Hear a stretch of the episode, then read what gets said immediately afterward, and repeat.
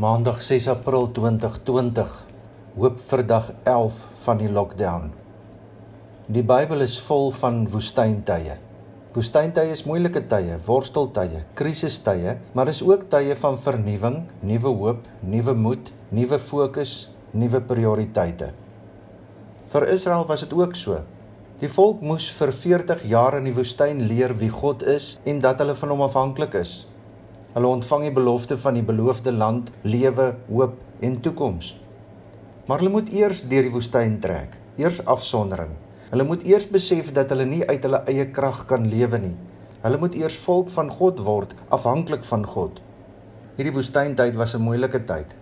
Heeltyd op pad, heeltyd onseker, maar is 'n tyd waar hulle hoop aanleer, 'n tyd waar hulle geloof aanleer. In hierdie woestyntyd sorg God vir hulle verlossing uit Egipte, 'n see wat voor hulle oopgaan en vir hulle lewe hoop en 'n toekoms bring. In die woestyn kry hulle water uit 'n rots, bitter water word vars. Hulle word versorg met manna en kwartels. Hulle word gelei deur 'n wolkkolom en 'n vuurkolom. Hulle ontvang die wil van God, die 10 gebooie. Hulle leer dat jy juis in die woestyntye vir God leer ken, vir God hoor. Wanneer jy net weer besef dat jy van God afhanklik is, hoop, geloof, 'n toekoms, nuwe hoop. Ons oorvloedige lewens maak ons onafhanklik van God en van mekaar. Ons basiese behoefte word erkenning. My land van melk en honing maak my my eie koning. Ek is in beheer. Totdat my land my oorvloed verander in 'n woestyn.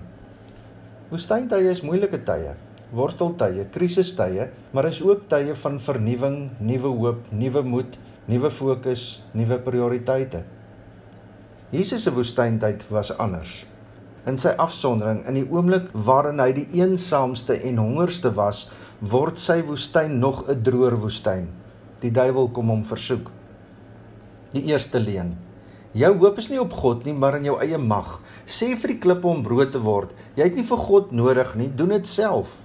Jesus antwoord: Mens leef nie net van brood nie, maar eerder van elke woord uit God se mond. Soek God se wil. Die tweede leen. Dit gaan oor jou, jou eer en jou rykdom. Jy kan self in beheer van jou lewe wees. Al wat jy hoef te doen is om my, die duiwel, te aanbid. Jesus se antwoord: Die Here jou God moet jy aanbid en hom alleen dien. Die derde leen. Moenie vir God wag nie, glo en doen. Dwing vir God, spring hier af. Hy het nie 'n keuse nie, hy moet jou vang. Hy beloof dan dat hy jou sal beskerm. Jesus se antwoord: 'n Mens mag nie vir God op die proef stel nie. Jesus bly staande.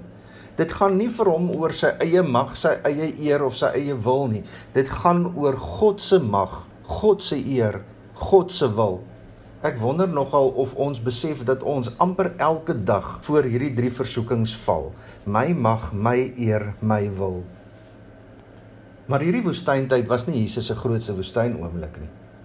Jesus se grootste woestyn oomblik was toe die soldate hom gesel, hom spoeg, hom spot en lagende die doringkroon op sy kop druk, verneder.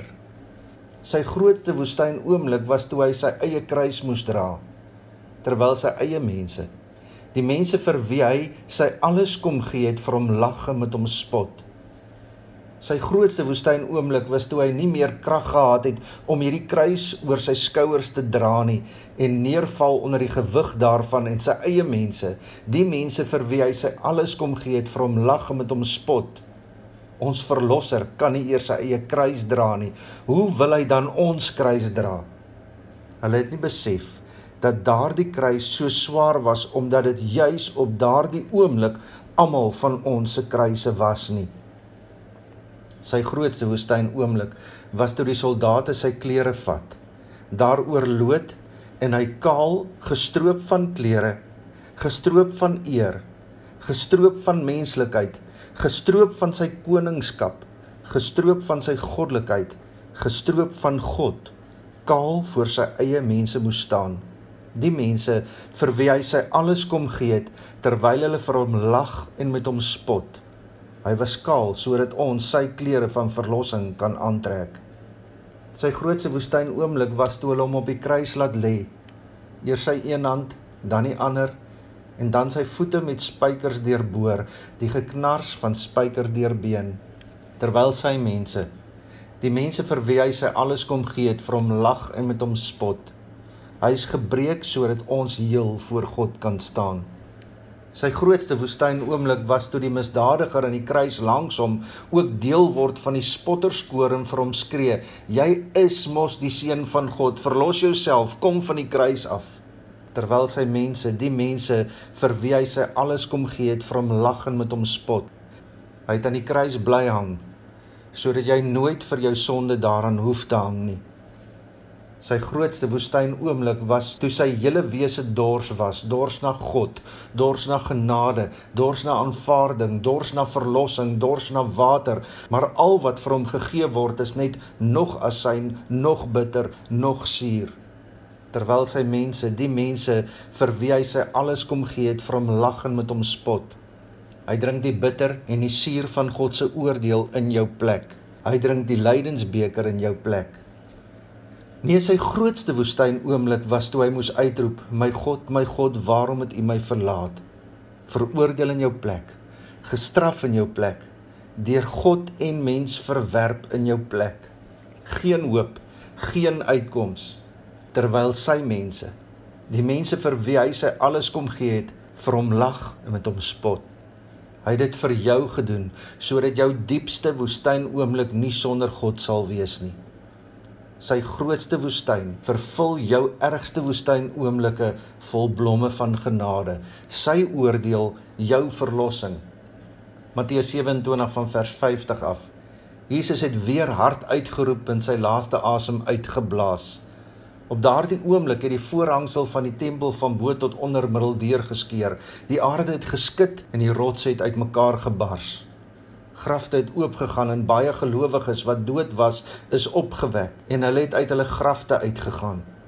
Na Jesus se opstanding het hulle in die heilige stad gekom waar hulle aan baie mense verskyn het. Toe die offisiere en die soldate wat saam met hom vir Jesus bewaak het, die aardbewing sien en die dinge wat gebeur, het hulle baie bang geword en gesê: "Hierdie man was werklik die seun van God." Terwyl sy mense, die mense vir wie hy sy alles kom gee het, vir hom lag en met hom spot. Hierdie man is werklik die seun van God. Deur dit wat Jesus gedoen het, sal jy selfs in jou ergste woestyn oomblik nie sonder God wees nie. Daar sal altyd hoop wees. Dalk nie wat jy soek nie, maar wel wat God vir jou voorberei het. Psalm 16 vers 5 en 6. Here, U is my lewe. U sorg vir my. Wat ek ontvang kom alles van U af. 'n Pragtige deel is vir my afgemeet. Ja, wat ek ontvang het is vir my mooi. Woestyntye is moeilike tye, worsteltye, krisistye, maar dit is ook tye van vernuwing, nuwe hoop, nuwe moed, nuwe fokus, nuwe prioriteite. Dit is juis in jou woestyntye dat jy weer vir God raak sien, vir God hoor. Dit is die tye wanneer jy net weer besef dat jy van God afhanklik is. Hoop, geloof, 'n toekoms. Here skenk aan my u genade, lig waar ek net donker sien, moed waar ek vrees, hoop waar ek wanhoop, vrede waar my gemoed storm, vreugde waar ek hartseer is krag waar ek swak is, wysheid waar ek verward is, sagtheid waar ek bitter is, liefde waar ek haat.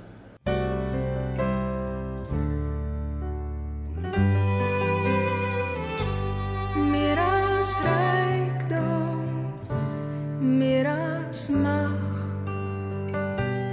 As die skoonheid van sterre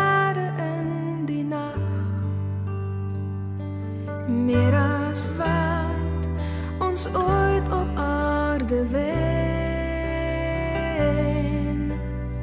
Is dit werd o Heer om u te ken